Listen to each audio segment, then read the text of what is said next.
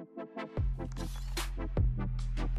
Pieter, goedemorgen. Goedemorgen Jarno. Je ziet er opgewekt uit. Zeker. Je hebt genoten van een mooie voetbalavond. Dat was heerlijk. Je kent de trainer van Spakenburg natuurlijk na de opname vrij goed. En dan zie je de wedstrijd Spakenburg-PSV. Hoe kijk jij nou naar die wedstrijd? Uh, je bent natuurlijk vooral heel benieuwd. En ik had die ochtend al een beetje contact met hem uh, over wat wordt het uh, plan. En zijn ze ook in staat? Want dit is weer een ander niveautje dan Utrecht. Ze hebben natuurlijk gewonnen van Groningen, daarna ja. van Utrecht. En laten zien dat je ja, soms in het voetbal met tactiek, met elf mindere spelers kan winnen van elf betere spelers. Nou, dat, dat is wat uh, voetbal zo onvoorspelbaar uh, en leuk maakt. En als je dan zo'n halve finale van de beker hebt op zo'n ja, afgeladen sportpark. En de, de, de kneuterigheid, ja, dat, dat spatte er natuurlijk vanaf. Als je op een gegeven moment de trekker het veld op ziet lopen, uh, ziet rijden en dat daardoor die wedstrijd later begint, dat soort dingen. Ja, dat is allemaal ja, schitterend. en als je dan vervolgens ziet ja, hoe erg zij PSV laten zweten met een uh, duidelijk plan. Uh, zelfs dusdanig dat in de 95 minuten Ramaljo in zijn eigen 16 loopt te rollenbollen om even wat uh, tijd te winnen. En dat je daarna PSV ja, ziet feesten alsof ze de Champions League finale ja, ik gehaald vond het pijnlijk hebben. om te zien. Ik weet niet hoe jij daarnaar gekeken hebt. Nou ja, je, je kunt er op twee manieren naar kijken. Aan de ene kant zeggen pijnlijk. Aan de andere kant, als je halve finale tegen Spakenburg zit, speelt, dan kun je alleen van Spakenburg winnen om die uh, finale te bereiken. Dus je snapt ook wel, en dat, dat heeft in die zin Ruud van Nistelrooy natuurlijk goed gedaan, dat hij wel die spelers ingeprint heeft. Ja, dit is een hele belangrijke wedstrijd en moeten we heel serieus aanvliegen. Nou, dat zag je er ook na afloop uh, wel vanaf met die opluchting en blijdschap van oké, we staan in die finale en we kunnen op die manier ja, misschien toch nog uh, het seizoen op een positieve manier afsluiten. En tegelijkertijd ja, zat daar ook iets in van ja, als je daar met 5-0 had gewonnen, dan had daar minder opluchting en emotie uh, bij gezeten dan in dit geval uh, het geval was. Uh, en dat is denk ik een heel groot compliment aan Spakenburg. Dat ze ook in deze wedstrijd erin zijn geslaagd om het een tegenstander die op iedere positie een betere voetballer heeft lopen, om die toch heel erg lastig te maken. Ja, ik vond op Pro de analyse die had gemaakt, is eigenlijk het spelplan van, van Spakenburg ten opzichte van PSV was wel interessant om terug te zien. En als je dan, als je dan kijkt, dan, ze moesten de boel ontregelen, tegenhouden, uh, soms het spel vertragen. Maar een van de dingen, uh, de juiste spelers van PSV die ze graag aan de bal willen, die kwamen niet aan de bal. Misschien was de enige tegenvaller voor Christen Gravens dat Gutierrez centraal achterin kwam te spelen. Ja, ik denk dat dat, uh, dat, dat achteraf we zien dat dat misschien wel een cruciaal ja, toevallig iets is. Uh, omdat als je beide doelpunten van PSV bekijkt... Nou, de ene maakt hij natuurlijk zelf de corner... maar dat begint met een aanval waar zij uh, Spakenburg... de hele specifieke momenten waarop ze toch druk wilden zetten. Nou, dat begon bij zo'n moment. En daarin slaagde Gutierrez erin om Van Aanholt aan te spelen. En ook die tweede goal vlak na rust begint met Gutierrez... die Van Aanholt inspeelt. En daarna ja. een fantastische combinatie tussen Van Aanholt en uh, Simons. maar dat begint beide keren met Gutierrez... die een, met een paas uh, Dekker, de rechtsbuiten van uh, Spakenburg, uitspeelt. Goeie speler en op die trouwens. manier uh, een, ja, dat was in dit geval kwam er niet zo heel veel, niet zo heel veel uit bij Dekker. Maar ja, dat, dat begon toch twee keer bij Gutierrez. En dan zit je toch te denken, ja, stel dat daar een Obispo staat of dat er een Brandwave staat. Ja, die geven misschien toch minder makkelijk die basis van achteruit. En ze kozen er duidelijk voor om dus de linker centrale verdediger Guti in dit geval. Uh, de rechter centrale verdediger Ramaljo. De rechtsback uh, Jordan Thees. En de rechter controleur Ibrahim Sangare. Om die eigenlijk ja, alle vrijheid van de wereld te geven. En die deden daar wel heel erg ja, weinig mee. Die gingen rond elkaar uh, tikken. En de spits van Spakenburg ging bij Joey Veerman staan. Zodat de opbouw minder via hem zou verlopen. En je zag dat het wel, ja, die hele opbouw, dat hele positiespel, dat werd daardoor gigantisch vertraagd bij PSV. En er zat heel weinig uh, verrassing in. Dus dat gedeelte van het plan, ja, daarvan moet je zeggen dat het eigenlijk uh, heel goed werkte. En dan werd afgedwongen dat af en toe die bal naar de zijkant ging. Maar zodra die bal daar kwam, want eerst het is helemaal het centrum dicht. En als dan die bal naar de zijkant kwam, zag je iedere keer ja, dubbele dekking bij Xavi Simon, dubbele dekking bij Bakayoko. En ja, PSV had gewoon heel veel moeite om ja, vanuit georganiseerd positiespel dat blok van Spakenburg uh, kapot te spelen. Ja, vind je het dan um, vooral aan de spelers liggen of aan, aan de trainer? Neem bijvoorbeeld het geval van Joey Veerman, die wordt dichtgezet. Vind je dan dat hij meer moet doen om ruimtes open te zetten of meer moet doen om aan de bal te komen? Ja, het is allebei. Het is allebei. En dat is denk ik wel het hele seizoen bij PSV. Dat het allebei is. Dat je aan de ene kant ziet, zeg maar, nou ja, uh, een trainer die bepaalde ideeën heeft, bepaalde dingen erin probeert uh, te brengen. Ja. Uh, en dat, dat kun je ook wel duidelijk terug zien, uh, de hand van Van Nistelrooy. Want ze zetten wat minder druk uh, dan dat ze vorig seizoen uh, deden. Ze zijn wat sneller in de uitbraken. Dus ze scoren veel eigenlijk uit counters. Zijn ook op hun best in wedstrijden waar ze eigenlijk weinig balbezit hebben. En ze hebben die aanvalstructuur die heel duidelijk is met deze die als derde centrale verdediger bijkomt. In een soort van 3-2-4-1 formatie. Alleen binnen die veldbezetting zit er eigenlijk helemaal geen variatie in bij PSV. En dat maakt denk ik dat ook een Spakenburg ja, relatief eenvoudig uh, dat dicht uh, kan zetten. Dat, dat zou denk ik wel ja, zorgen moeten baren bij PSV. En dat ligt aan de ene kant aan de trainer, die dus blijkbaar niet genoeg, we zitten inmiddels in april, uh, ja, die spelers ja, dat heeft kunnen aanreiken. Dat ze zelf op een gegeven moment flexibel kunnen gaan worden vanuit een bepaalde veldbezetting. Maar dat ligt natuurlijk aan de andere kant ook ja, bij spelers die dus blijkbaar niet in het veld in staat zijn om uh, te herkennen of verantwoordelijkheid te pakken in... ja, Spakenburg uh, zet iemand op Veerman. Ja, nou ja, ik zou dan denken als Veerman... goh, je staat links centraal op het middenveld, die spits staat bij je. Ga eens rechts centraal op het middenveld. Wissel is van positie met Sangaré. Ja, wat gaan zij dan vervolgens doen? En dan krijg je een soort van kat-en-muis spelletje. Maar het leek erop dat ja, PSV, zoals het ging... en ook als je Van Nistelrooy in de afloop uh, hoorde... ja, die vonden het eigenlijk wel prima dat ze balbezit hadden. Dat noemen ze dan controle. Uh, en ze kwamen af en toe tot uh, ja, wat kansjes... waar je uiteindelijk altijd wel aan komt tegen Spakenburg. En je hebt zoveel spelers achter de bal staan... dat je ook niet tegen een counter kan aanlopen. Dus ja, blijkbaar vonden ze dit wel prima. Maar ik denk dat als je dit aan positiespel ja, op de mat legt tegen een club die uh, er niet zo heel best voor staat uh, in de tweede divisie. Dat dat, ja, dat, dat, dat heel teleurstellend is en dat je eigenlijk wel meer zou mogen verwachten van PSV. Ja, dat is toch wel bijzonder. In, positieve zin wordt er vaak uh, gesproken over de hand van de trainer. Neem Feyenoord, Arsenal, ook in dit geval bij het spelplan van Spakenburg. Um, bij Van Nistelrooy wordt wel eens ja, er is geen hand van de trainer. Maar jij bent daar wel uitgesproken over, ja, er is juist wel een hand van de trainer. Ja, tuurlijk. Ja, de, ik denk niet dat die spelers het veld oplopen en dan zelf verzinnen. Oh ja, Jordan These gaat als derde centrale verdediger spelen. Die twee controleurs gaan ervoor staan. Uh, uh, van Arnold komt op en we komen met het tweede team met uh, Xavi Simons naast uh, Gusteel. En dat zie je iedere wedstrijd continu uh, gebeuren. En vanuit daar komt er uh, ja, eigenlijk weinig ja, beweging of variatie meer. Ja, dat is heel duidelijk dat dat een idee is voor Ruud van Nistelrooy om op die manier te gaan staan. Is op zichzelf ook niet misschien een heel raar idee. Want uh, als je gaat kijken internationale top, heel veel teams organiseren hun team aanvallend op die manier. Alleen zie je bij die teams ja, dat daar wel ja, variatie in zit. In welke speler bezet op welk moment welke ruimte. Uh, en die variatie zie je in hele beperkte mate, uh, en in veel gevallen zelfs helemaal niet, uh, terug bij PSV. Ja, waardoor het heel voorspelbaar wordt en waar iedere tegenstander denkt, nou oké, okay,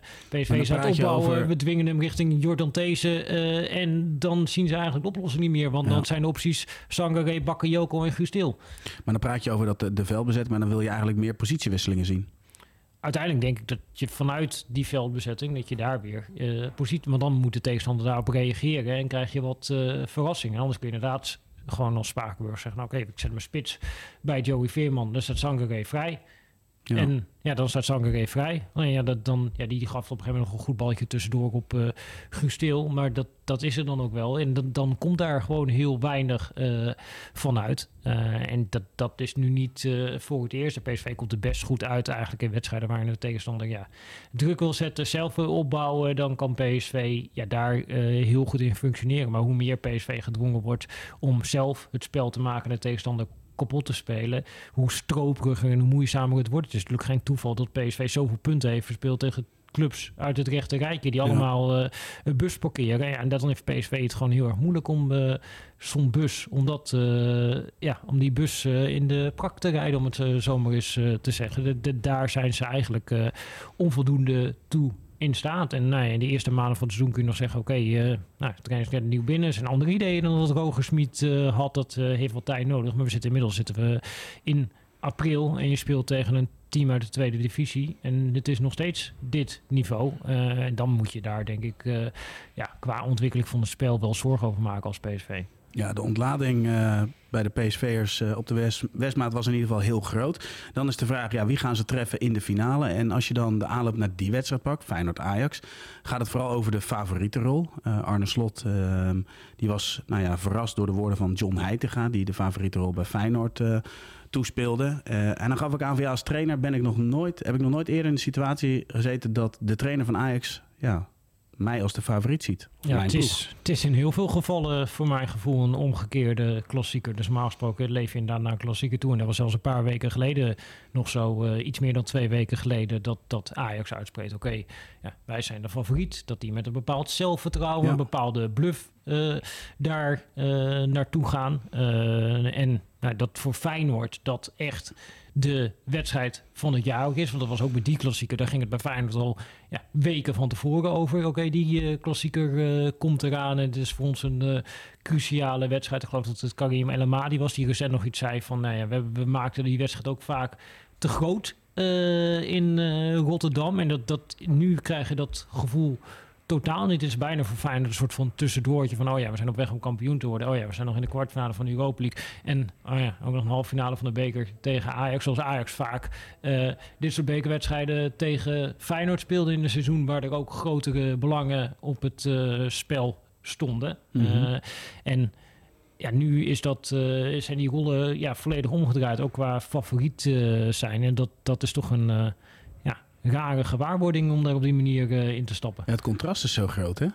Ja, en helemaal als je bedenkt hoe kort die tijd ertussen is geweest... Uh, ja. richting die vorige klassieker, toen uh, alle Ajax-spelers nog met heel veel brani en ook de trainer uh, met heel veel zelfvertrouwen aan die wedstrijd uh, begonnen. En dat zelfvertrouwen, dat is nu uh, ver te zoeken bij Ajax. Ja, precies. Jij hebt in aanloop naar die wedstrijd ook beelden geselecteerd. En na aanleiding van de, van de vorige wedstrijd, dingen die op zijn gevallen uit die wedstrijd, maar ook dingen die je misschien wel gaat verwachten in deze wedstrijd. Ja. Wat, wat is dan het meest opvallende wat je eruit gehaald hebt? Ja, dat is op VE Pro een stukje drie tactische dingen om op te letten. Maar ja, wat ik het meest interessante vind is die opbouw van Feyenoord eigenlijk die eerste 20 minuten na rust slaagt dus er voortdurend in om ja. onder de pressing van Ajax uit te spelen. Op basis van positiespel die wedstrijd uh, te domineren. Nou, ze spelen nu natuurlijk uh, thuis en daar ben ik wel heel nieuwsgierig naar van, nou ja, gaat dat Feyenoord weer lukken. Ze missen natuurlijk wat dat betreft wel uh, Geert Truiden, wat denk ik wel een hele belangrijke speler is, ook uh, in uh, die fase van het spel. En met Pedersen is dat misschien toch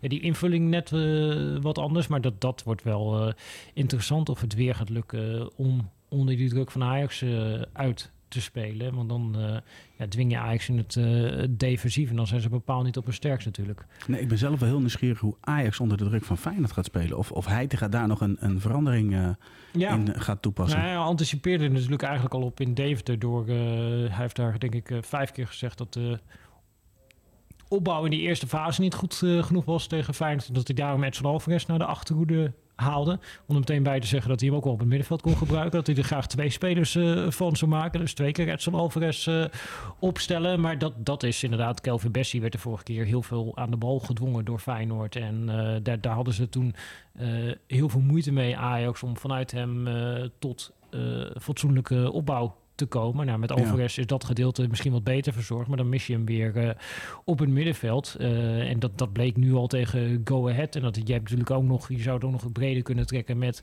linksachter. Probeert hij die tegen Go Ahead ook met een andere linksachter. Was ook geen onverdeeld uh, succes. Rechtsachter is Rensje niet bij. Ja, ga je dan weer Jorge Sanchez opstellen die onder druk toch ook kwetsbaar is? Of kies je daar misschien ook weer voor? Dus uh, er beginnen wel wat uh, ja, vraagtekens te komen. Eigenlijk op drie van de vier plekken achterin bij Ajax. En dat is denk ik ook een groot verschil met die vorige klassieker. Toen alles bij Ajax nog heel duidelijk was. En dat je eigenlijk die opstelling uh, iedere week uh, al van tevoren kon invullen. En nu zie je dat uh, Heitinga dezelfde vraagtekens begint te krijgen. en op dezelfde posities ja, begint te rommelen en begint te schuiven. Als dat in de periode onder Alfred Schreuder het geval was. Ja, neem Alvarez even. Um, pak de vorige wedstrijd erbij. Kutju, Wiever kwamen veel aan de bal. Zeker Kutju was heel goed. Ik heb echt het gevoel dat Ajax hem harder op het middenveld nodig heeft dan achterin. Hoe kijk jij daarnaar? Ik denk ook dat je hem in deze wedstrijd, uh, zeker voor het uh, ja, bewaken van je balans, uh, organisatie. Hij had het zelf over een stukje balans toen ik er naar vroeg naar die wedstrijd in Deventer. Maar dat denk dat je daarvoor Alvarez heel erg nodig hebt. en ja, dat je ook op een andere manier ernaar kan kijken. Dus ja, je kunt inderdaad proberen Bessie op te stellen en dan met hem alsnog onder de druk uit te spelen. Maar je kunt ook tegen Bessie misschien zeggen, joh, ja, dat is misschien niet helemaal jouw ding om die korte pases te spelen als je het gewoon even niet weet. Knal hem gewoon een keer achter die achterhoede en dan gaan we vanuit daar wel een keertje druk uh, zetten. En dan gaan we het op die manier eens een keer uh, proberen. En dan komt hij misschien ook minder ja, in dat hij toch het gevoel heeft van... ja, ik moet nu in middenveld tussen de linies aanspelen... maar ik zie eigenlijk niet waar die... En dan kom je... Gaat Heitinga dat uh, vragen van hem? Want, want Ajax speelt het moeilijkste spel volgens Heitinga. Ajax staat ook bekend om de manier van spelen. Dat draagt Heitinga ook wel heel ja. nadrukkelijk uit. Denk je dat hij dat, hij dat ook zegt? Nou ja, dat, ziet maar wat directer? Nou ja, de, ik vermoeden heb ik niet. Maar ja, dat vind ik wel interessant. Want... Uh, Freek had natuurlijk, uh, Freek Jans had een uh, groot stuk met hem uh, gisteren op VI Pro. Ja. Nou, waarin hij tegen uitgebreid aan het woord kwam. Nou, toen ging het in de kop over dat is de realiteit. en dus ik dacht, nou oké, waar, waar, heeft hij het allemaal over qua realiteit? Dus even Ctrl-F gedaan op realiteit. Het woord realiteit kwam in een stuk acht keer voor.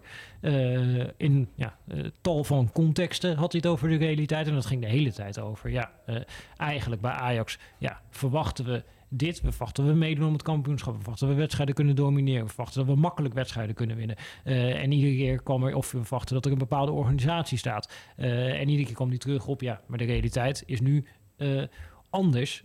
ja, en dat is in bepaalde mate ingedaald. En daarvan ben ik dan benieuwd, goh, gaat hij te gaan... Uh, ja, die tekortkomingen die die blijkbaar nu constateert, zowel in de opbouw van de selectie als in de manier van spelen, nou, al dat soort dingen. Hoe ga je om met tegenslag? Die tekortkoming die hij daarin uh, constateert nu in zijn elftal, of hij dat dan ook gaat vertalen richting het speelplan, richting Feyenoord. Uh, en dat we ook op dat vlak misschien een realistischer Ajax gaan zien uh, dan ja, het Ajax wat eraf ging tegen Union Berlin, wat eraf ging tegen Feyenoord en wat gelijk speelde tegen Go Eagles in een wedstrijd waar nauwelijks een kans werd gecreëerd. Ja, precies. Dan dat interview. Hè. Freek Jans heeft natuurlijk uh, gisteren uitgebreid uh, gesproken. Ging het over uh, het gelijkspel tegen Go Eagles. De topduels van Ajax. de zoektocht naar de ideale elf. Um, wat bij mij is blijven hangen, de, de onzekerheid rondom zijn eigen toekomst. Hoe heb jij dat gelezen? Nou, dat is wel een opvallend stuk. En Freek heeft er ook nog een visie uh, aan gewijd. Ja. Uh, van ja, daar moet uh, duidelijkheid in komen. Daar vraagt hij er ook om. En die duidelijkheid kan wat hem betreft inmiddels ook zijn van... nou ja, zeg dat ik er niet word de nieuwe trainer. Maar juist, ja, dat kan me heel goed voorstellen. Als jij nu ziet dat jij ja, misschien bepaalde tekortkomingen hebt uh, in je selectie en je weet, nou stel ik blijf hier trainer, dan moeten we in juni misschien alweer uh, kwalificatie spelen voor Europese toernooien, wat ook gaat over heel veel geld of over heel veel uh, belangen. Ja. En je moet dan nog herstelwerkzaamheden doen en je weet, A, nog niet ben ik zelf dan trainer. Je weet B nog niet uh, wie is de technisch directeur. En je weet C nog niet wie is een soort van de voetbalcommissaris uh, die daarboven hangt. Ja, dat snap ik. Dat dat uh, veel onzekerheid met zich meebrengt. Want ja, normaal gesproken zit je ja, in deze fase misschien van het seizoen. Dan zie je, oké, nou, als ik uh, dit en dit op die positie gerichte versterking... nou, dan kunnen we volgend jaar meedoen. Alleen, ja, ook al ziet gaat dat... ja, tegen wie moet je het gaan zeggen? Uh, en wordt er dan ook daadwerkelijk opgelost? Ja, dat, dat zijn natuurlijk uh, ja, hele lastige dingen. En dat, dat ja, proef je voortdurend tussen de regels door. Dat hij zich daar ook wel een beetje ja, aan begint uh, te ergeren. Want ja, hij bungelt uh, en hij schreeuwt nu om hulp. Dat is eigenlijk hoe ik het heb gelezen. Ja, daar kan ik, uh, daar kan ik me in vinden. Wat, wat ik ook opvallend daarin vind van... Um, op het moment dat hij zijn staf en selectie samen zou mogen stellen... pas dan kan Ajax hem beoordelen op zijn kwaliteit als trainer. Ja, of in ieder geval dan, dan kun je hem beter beoordelen dan ja, de situatie waar hij uh, nu ja. uh, in is gestapt. Dus uh, ja, ook voor hem, het is een positie waar hij nu in zit, ja, bijna niet te benijden. Al ben ik nog steeds van mening dat Ajax een hele goede spelersgroep heeft, waar ook een heleboel spelers in zitten die individuele kwaliteiten hebben om wedstrijden te beslissen. Ja. maar puur ja, als team ja, functioneert het gewoon op dit moment onvoldoende. En dat, dat, dat staat denk ik nu op het spel dat je dat ja, kan kantelen. En dat je weer een soort van teamgeest krijgt van oké, we gaan richting dat einde van het seizoen, gaan we het allemaal voor elkaar krijgen. En daarom denk ik dat dit voor Ajax echt de wedstrijd van het jaar is. Uh, omdat je kunt het nu nog even dat negatieve sentiment wat erin begint te kruipen. Ja, dat kun je kantelen. En dan nog even een laatste eindsprint uh, eruit. Maar als je nu verliest, ja, dan loopt waarschijnlijk die band uh, leeg. En dan gaat het seizoen als een nachtkaars uit. En misschien sta je dan niet eens in de voorronde van de Champions League. En dat is natuurlijk wel, dat zou enorm treurig zijn voor Ajax. Als je ziet zeg maar, waar ze vandaan komen, hoeveel geld er ook weer geïnvesteerd is in die groep. Ja. En als dat dan het resultaat uh, zou zijn, ja, dan moeten ze zichzelf wel even stevig achter de oren krabben. Ja, precies. Het woord uh, realiteit is een aantal keer gevallen. Zeker in het interview met Heitinga. Even naar jouw realiteit. Feyenoord is, neem ik aan, wel de grote favoriet. Nou ja, grote favoriet. Ajax heeft de betere spelers. En dat heb je natuurlijk ook in die vorige wedstrijd gezien. Kijk, we staan hier misschien ook heel anders te praten. En ook Heitinga staat heel anders te praten als uh, die bal voor Kudus uh, vlak voor tijd niet door Welleroyd er, uh, eruit wordt gehouden. En ook in die wedstrijd zag je momenten met die fantastische paas van Berghuis op Bergwijn. nou, ook twee spelers met gigantische individuele kwaliteiten. Tadis die die bal erin schiet. Toch ook een speler die dit seizoen in topwedstrijden niet altijd heeft laten zien, maar in die andere wedstrijden toch wel continu ja, een constant hoog niveau uh, gehaald heeft. En in ieder geval iedere wedstrijd ploeggenoten in kansrijke posities uh, brengt. Nou, rechtsbuiten heb je natuurlijk Kudus, die op ieder moment met een individueel moment de wedstrijd kan beslissen. Je hebt natuurlijk Klaassen, iemand die ook uh, een naam heeft van doelpunten op belangrijke momenten. Je hebt Brian Broby, die lang niet alles uh, speelt, maar dan zag je ook weer tegen Go Ahead. Ja, die heeft toch ja, specifieke individuele kwaliteit om altijd in kansrijke posities uh, in de 16 op te duiken als spits. Dus er is nog steeds heel veel individuele kwaliteit. En je hebt bij Ajax meer spelers ja, waarvan je redelijkerwijs kan opnoemen, die, die kunnen uit de niets eigenlijk die wedstrijd uh, gaan beslissen voor uh, Ajax. En dat het bij Feyenoord voor het geval is. Alleen, ja, Feyenoord heeft het uh, betere team. en je hebt dit seizoen denk ik vaak genoeg gezien... dat het betere team kan winnen van de betere spelers. Dus dat, dat is denk ik ook een beetje wat ja, op het spel staat. je wint het beste team vanavond of wint het team met de beste spelers. Wat denk jij? Ja, dat, uh, ik, ik, ik neig op dit moment uh, naar Feyenoord. Maar om de redenen die ik noem, uh, ja, zou ik niet zomaar invullen. Oh, Feyenoord gaat dat wel even winnen. Helemaal niet. Als, ik denk dat als, omdat Ajax de betere spelers heeft... dat als er een beetje realiteitszin in de speelwijze zit. En dat je ook erkent dat er bepaalde tekortkomingen zijn. Dus als je weet, ja, Jorge Sanchez kan niet goed opbouwen. Ja, misschien moet je hem nog niet tegen de rechterzijlijn de bal geven... in situaties waar je weet dat Feyenoord... dan sluiten ze met twee, drie man iemand in tegen de zijlijn. Ja, als je dan als je van tevoren tegen de groep zegt, joh, als we daar die bal hebben, speel maar niet Sanchez in, leg hem er gewoon achter en dan gaat Kudus rennen. Dan kun je gewoon winnen uh, van Feyenoord. Maar als je Sanchez daar wel gaat inspelen, ja, dan ga je een keer de bal verliezen en dan komt Feyenoord eruit. Dan heeft Jiménez gescoord en dan zijn je misschien met uh, lege handen. Dus ik denk dat het op dat soort details dat zo'n wedstrijd beslist kan gaan worden. Ik ben heel benieuwd wat we gaan zien. In ieder geval bedankt voor jouw bijdrage aan deze ZSM en tot ZSM. Tot ZSM.